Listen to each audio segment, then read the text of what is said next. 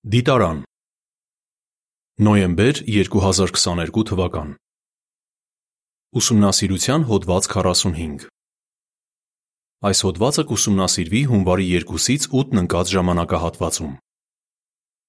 Եհովայի օգնությամբ կատարում ենք մեր ծառայությունը։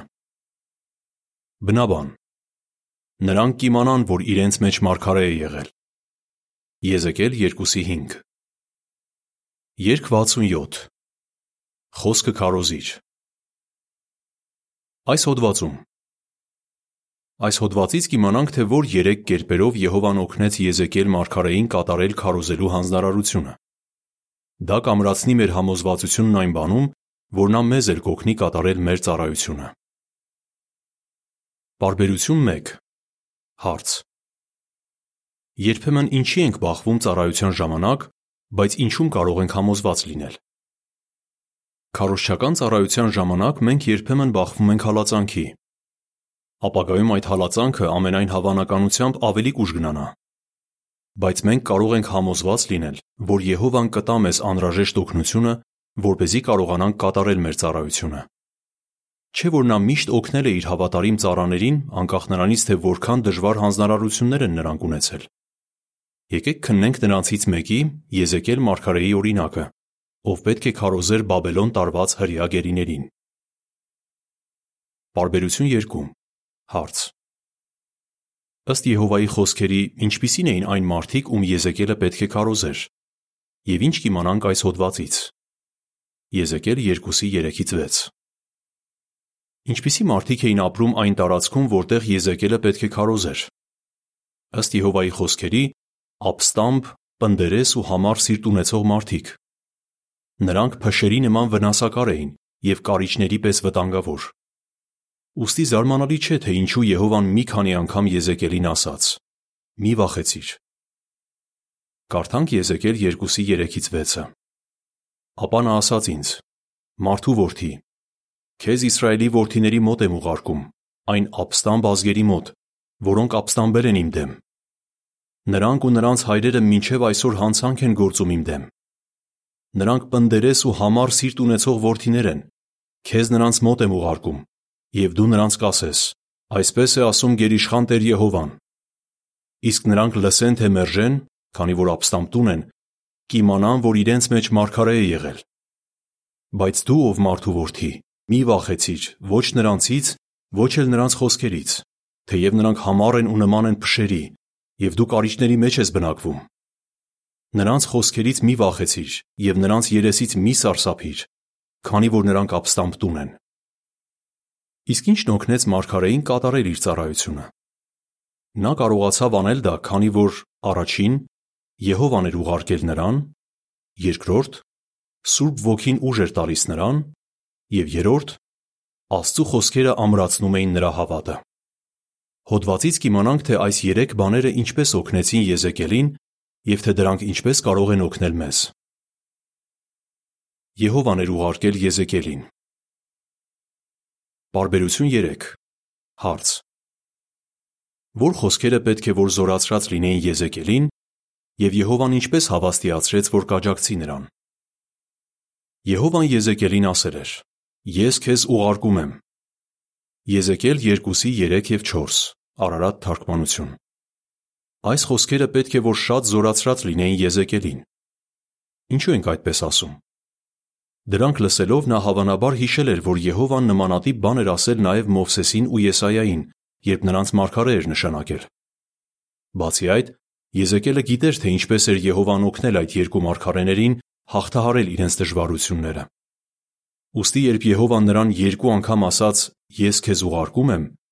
վերջինս կարող էր համոզված լինել, որ Եհովան կաջակցի իրեն։ Դեռ ավելին, Եզեկիել գրքում հաճախ են հանդիպում հետևյալ խոսքերը. Եհովայի խոսքը եղավ ինձ։ Եզեկիել 3:16 և 6:1 Անշուշտ Եզեկիելը մի վայրկյան անգամ չէր կասկածում, որ Եհովան է իրեն ուղարկել։ Հիշենք նաև, որ նա քահանայի որդի էր, և հավանաբար նրա հայրը պատմել էր, թե անցյալում Եհովան ինչպես է հավաստիացրել իր մարգարեներին, որ նրանց կողքին է։ Օրինակ Իսահակին, Հակոբին և Երեմիային Եհովան ասել էր. Ես քեզ հետ եմ։ Պարբերություն 4 Հարց. Որ մտքերը զորացրին Եզեկիելին։ Իսկ ինչպես էր իսրայելացիների մեծամասնությունը արձագանքելու Եզեկիելի հայտնած լուրին։ Եհովան ասել էր. Իսրայելի տունը չի ցանկանա քեզ լսել, որովհետև նա չի ուզում ինձ լսել։ Եզեկիել 3:7 Փաստորեն մերժելով Եզեկիելին, նրանք մերժելու էին Եհովային։ Այս խոսքերը մարգարեին հավաստիացրին, որ ժողովրդի արձագանքը չէր նշանակելու, թե նա լավ չի կատարում մարգարեի իր գործը։ Եհովան նաև վստահեցրեց Եզեկիելին, որ երբ իր հայտնած դատավճիռները իրականանան, ժողովուրդը կիմանա, որ իրենց մեջ մարգարե է եղել։ Եզեկիել 2:5 եւ 33:33 Անկասկած այս քաջալերական մտքերը ուժ տվեցին Եզեկիելին, որ կարողանա կատարել իր ծառայությունը։ Եհովան է ուղարկել մեզ։ Բարբերություն 5 Հարց. Ինչպես է Եսայա 44-ի 8-ը զորացնում մեզ։ Մեզ նույնպես զորացնում է այն միտքը, որ Եհովան է մեզ ուղարկել։ Նա մեզ իր վկաներն է կոչում, ինչը անկասկած մեծ պատիվ է։ Եհովան ինչպես Եզեկիելին վստահեցրեց, որ նրա հետ է, ասելով՝ «Մի վախեցիր», այնպես էլ մեզ է սրտապնդում ասելով. «Մի սարսափեք»։ Այո,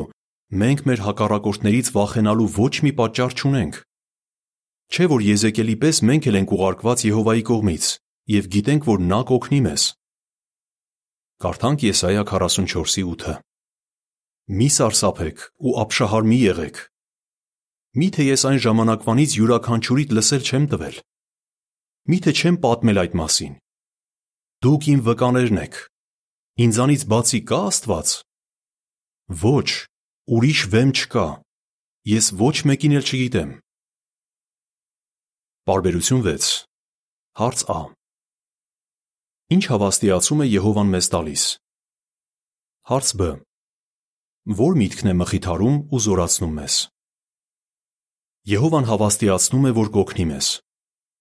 Դուք եք իմ վկաները խոսքերը ասելուց առաջ նա ասել է.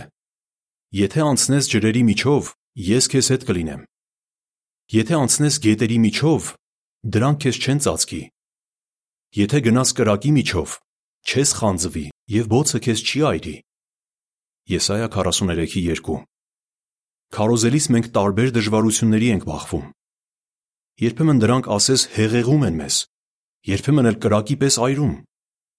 Բայց անկախ ամեն ինչից, Եհովայի օգնությամբ մենք շարունակում ենք քարոզել։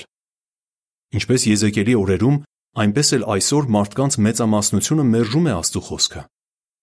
Սակայն պետք է հիշենք, որ դա չի նշանակում, թե մենք լավ չենք կատարում մեր դերը որպես Աստծո վկաներ։ Մենք մխիթարվում և զորանում ենք այն մտքից, որ շարունակ հավատարմորեն քարոզելով հաճեցնում ենք Եհովային։ Պողոս առաքյալն ասաց. «Յուրաքանչյուրը կստանա իր վարձատրությունը իր իսկ աշխատանքի համեմատ»։ Առաջին Կորինթացիներ 3:8 Մի քույր, ով երկար տարիներ ռահվիրա է ծառայում, ասում է. Այն միտքը, որ Եհովան վարձատրում է մեզ մեր ջանքերի համար, ինձ մեծ ուրախություն է պատճառում։ Բարբերություններին կից նկարի մակագրության մեջ ասվում է. Եզեկելի նման մենք էլ ենք բախվում անտարբերության և հակառակության, սակայն գիտենք, որ Եհովան մեզ հետ է։ Աստծու ոգին ուժ էր տալիս Եզեկելին։ Բարբերություն 7 Հարց. Երբ Եզեկելը մտածեր իրեն տրված տեսիլքի մասին, ինչ ազդեցություն դա կունենար նրա վրա։ Եզեկիելին մի տեսիլք տրվեց, որից երևում էր, թե որքան զորեղ է Աստծո ոգին։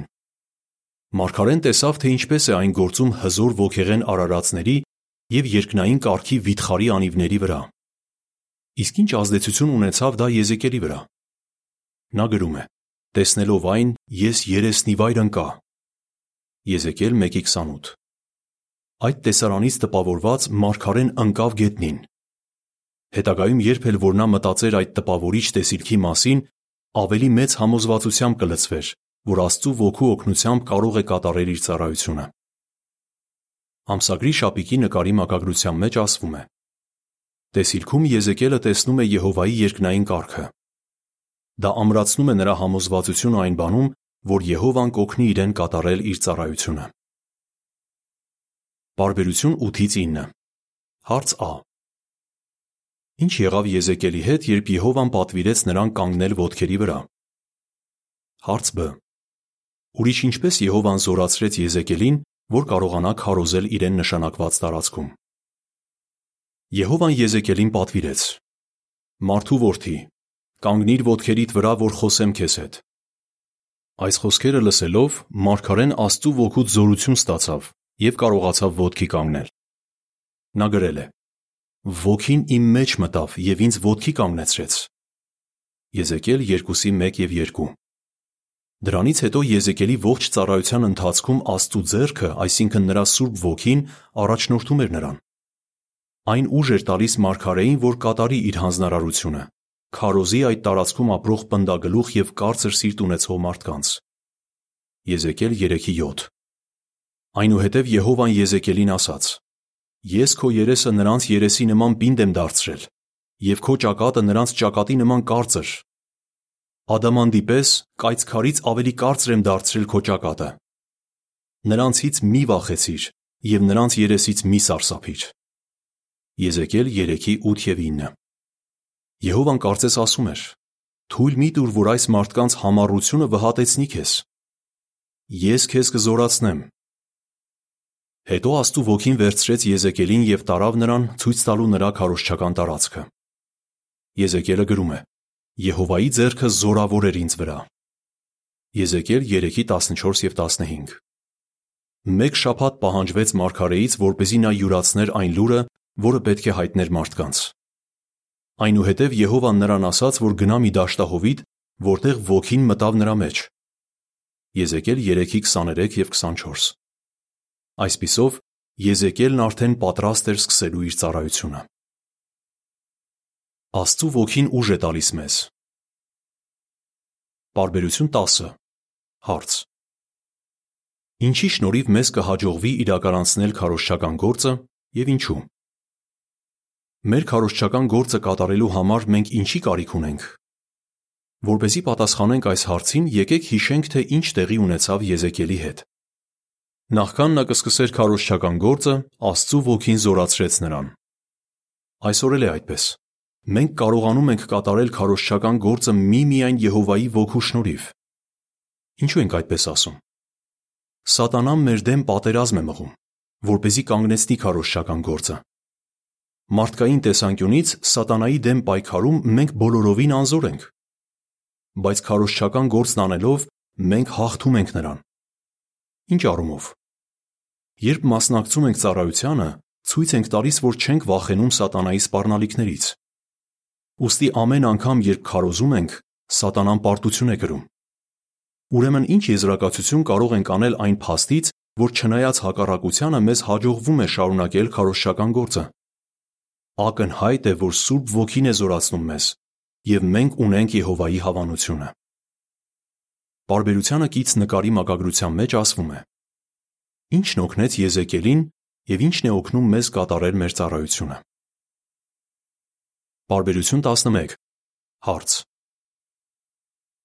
Սուրբ ոգին ինչպես կարող է օգնել մեզ եւ ինչ պետք է անենք, որ միշտ ունենանք այն։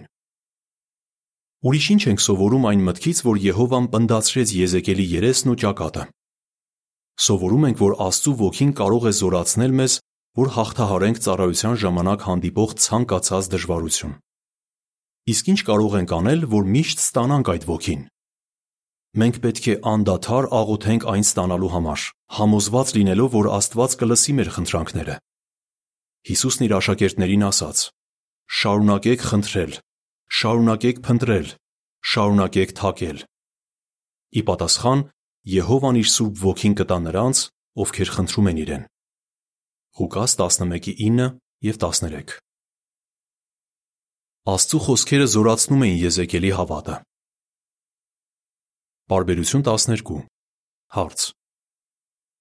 Եզեկիել 2-ի 9-ից 3-ի 3 համարների համաձայն. Որտեղից էր գրությունը եւ ինչ էր գրված դրա մեջ։ Եզեկիելը ոչ միայն զորանում էր Աստծո ոգով, այլև ուժ էր ստանում նրա խոսքերից։ Տեսիլքում Մարգարեն տեսավ մի ձեռք, որում մի գրություն կար։ Որտեղից էր այն։ Ինչ էր գրված դրա մեջ։ Կարդանք Եզեկիել 2-ի 9-ից 3-ի 3-ը։ ես նայեցի ու տեսա, որ մի ձեռք էր մեկնած դեպի ինձ, և ձեռքի մի գրություն կար։ Նա բաց արեց գրությունն իմ առաջ։ Այն ներսից ու դրսից գրված էր։ Այնտեղ գրված էին ողբերգեր, հեծեծանք ու լացուկոծ։ Եվ նա ասաց ինձ. «Մարդու որդի, ինչ որ քո առաջ է, կեր։ Կեր այս գրությունը և գնա ու խոսիր Իսրայելի տան հետ»։ Ուստի բերանս բաց արի, և նա տվեց ինձ այդ գրությունը, որ ուտեմ։ Հետո ասաց. «Մարդու որդի, այս գրությամբ, որ տալիս եմ քեզ, փորդ կշտացրու և որովայնդ լցրու»։ Ես էլ սկսեցի ուտել, և այն մեղրի պես քաղցր էր իմ բերանում։ Գրությունը Աստծու գահից էր, և, ամենայն հավանականությամբ, այն փոխանցվեց Եզեկիելին նրա տեսած չորս հրեշտակներից մեկի միջոցով։ Դրա մեջ գրված էին Աստծու խոսքերը, դատաստանի մասին ծավալուն լուրը, որը Եզեկիելը պետք է հայտներ ապստամբ աքսորյալներին։ Այդ լուրը գրված էր գրության ներսի և դրսի կողմերում։ Այժմ տեսնենք, թե այն ինչպես հոգևորապես ամրացրեց Եզեկիելին։ Պարբերություն 13 Հարց. Եհովան ինչ պատվիրեց Եզեկիելին գրության հետ կապված, և ինչու էր այն քաղցր։ Եհովան մարգարեին ասաց, որ ուտի գրությունը և որովայնը լցնի դրանով։ Հետևելով Աստծու պատվերին, Եզեկիելը ամբողջությամբ կերավ այն։ Ինչ նշանակություն ուներ տեսիլքի այս հատվածը։ Դա նշանակում էր, որ Եզեկիելը պետք է լիովին յուրացներ այն լուրը, որը պատրաստվում էր հայտնել։ Այն պետք է դառնար իր էության մի մասը, այլ խոսքով, պետք է ազդեր նրա ամենախոր զգացումների վրա։ Զարմանալի է, բայց գրությունն ուտելով մարգարեն զգաց, որ այն մեղրի պես քաղցր էր, այսինքն Եզեկիելի համար Եհովային ներկայացնելու պատիվը քաղցր ու հաճելի մի բան էր։ Նա երախտապարտ էր Աստծուն, որ իրեն նշանակել էր որպես իր մարգարե։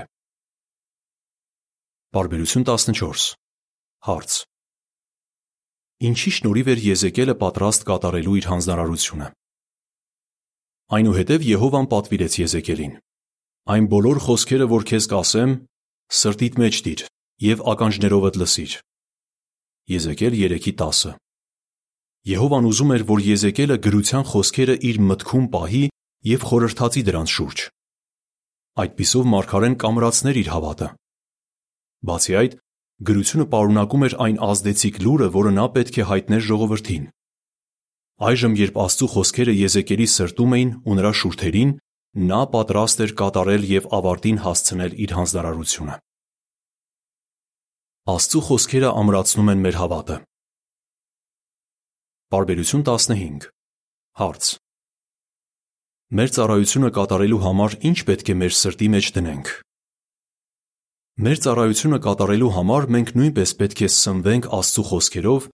և մեր սրտի մեջ դնենք այն ամենը, ինչ նա ասում է։